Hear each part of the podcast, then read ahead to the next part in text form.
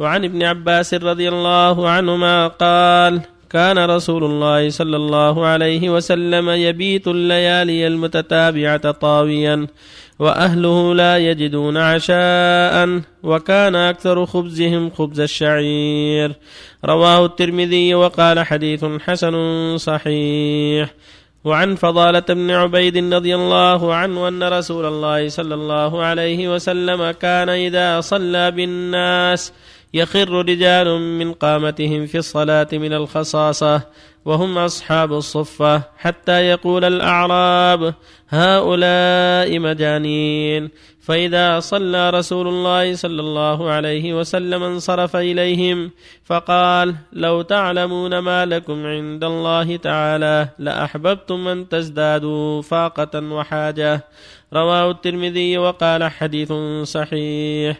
وعن أبي كريمة المقدام بن معدي كرب رضي الله عنه قال سمعت رسول الله صلى الله عليه وسلم يقول ما ملأ آدمي وعاء شرا من بطن بحسب ابن آدم أكلات يقمن صلبه فإن كان لا محالة فثلث لطعامه وثلث لشرابه وثلث لنفسه رواه الترمذي وقال حديث حسن. بسم الله الرحمن الرحيم. الحمد لله. وصلى الله وسلم على رسول الله وعلى آله وأصحابه ومن اهتدى بهداه. أما بعد فهذه الأحاديث الثلاثة كالتي قبلها في الحث على الصبر على ما يصيب الإنسان من الفاقة والحاجة وأن الله جل وعلا يأجره على ذلك خيرا كثيرا وأن له سلفا صالحا. فقد أصاب سيد الخلق عليه الصلاة والسلام وأصاب الصحابة من المهاجرين والأنصار أصابهم ما أصابهم من الفاقة والحاجة فله فيهم أسوة.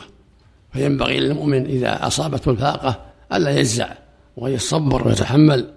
ولهذا في هذا الحديث أنه ربما مرت على النبي صلى الله عليه وسلم عدة ليالي لا يجد شيئا وأهله كذلك لا يجدون شيئا لا شعير ولا غيره. هذا يدل على أن قد تصيبهم الخصاص والمجاعة فيصبرون. قد سبق أن قول عائشة رضي الله عنها لقد هل هلال ثم هلال ثم هلال ما أوقد في أبيات النبي نار. قيل لها ما كان يعيشكم؟ قالت الأسود عن التمر والماء.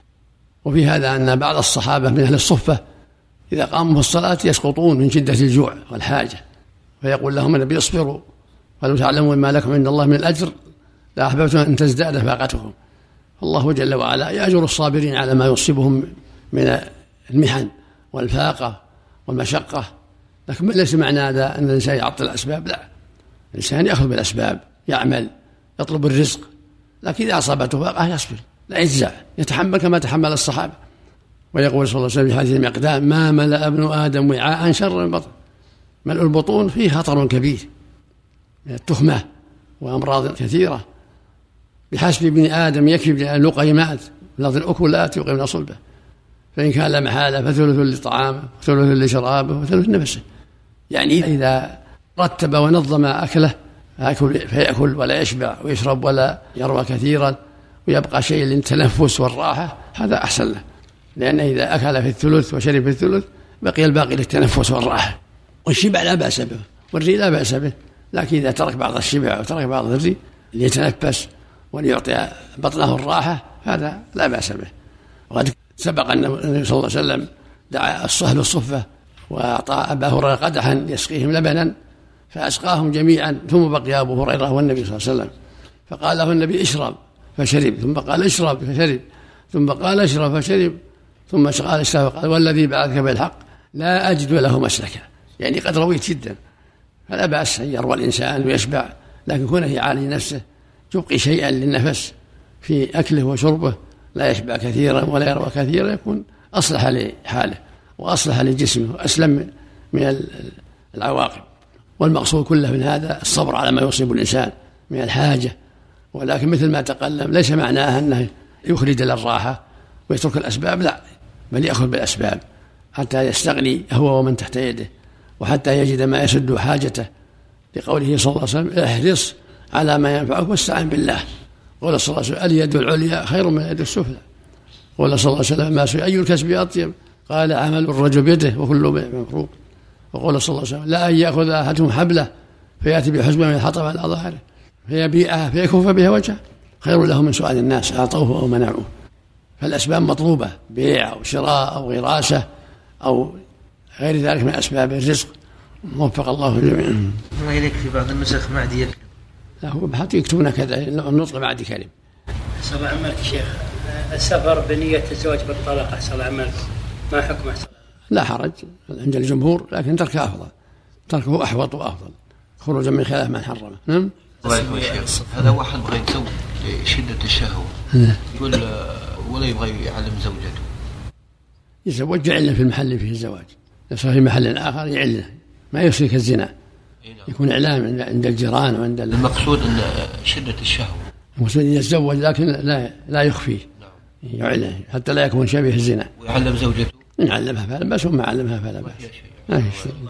ماذا سمي أصحاب الصف لأنهم النبي صلى الله عليه وسلم أنزلهم بها في الصفة الحجرة يعني. الصفة الصفة الحجرة في المسجد. صلى الله عليكم من اكتفى باتخاذ السبب تداوي الدعاء اتخذ الدعاء سبب تداوي. الدعاء سبب. لكن إذا تدعوا بشيء آخر من المأكولات أو المشروبات أو الكي أو من الدهون أو المروخ أو غير هذا فلا بأس. أحسن الله عليك يا شيخ. الأسباب لا بأس بها نعم. بعض المتصوفة في بعض البلدان آه، يتخذون من هذا الحديث كلمة أهل الصفة يقولون نحن الصوفية مأخوذ من أهل الصفة. لا لا غلط هذا الصفة لا الصفة الحجرة يعني حجرة في المسجد للفقراء. مثل المسجد في الحجرة ينزل الفقراء نحن أخذنا من هذا الحديث. لا هذا جهلا منه.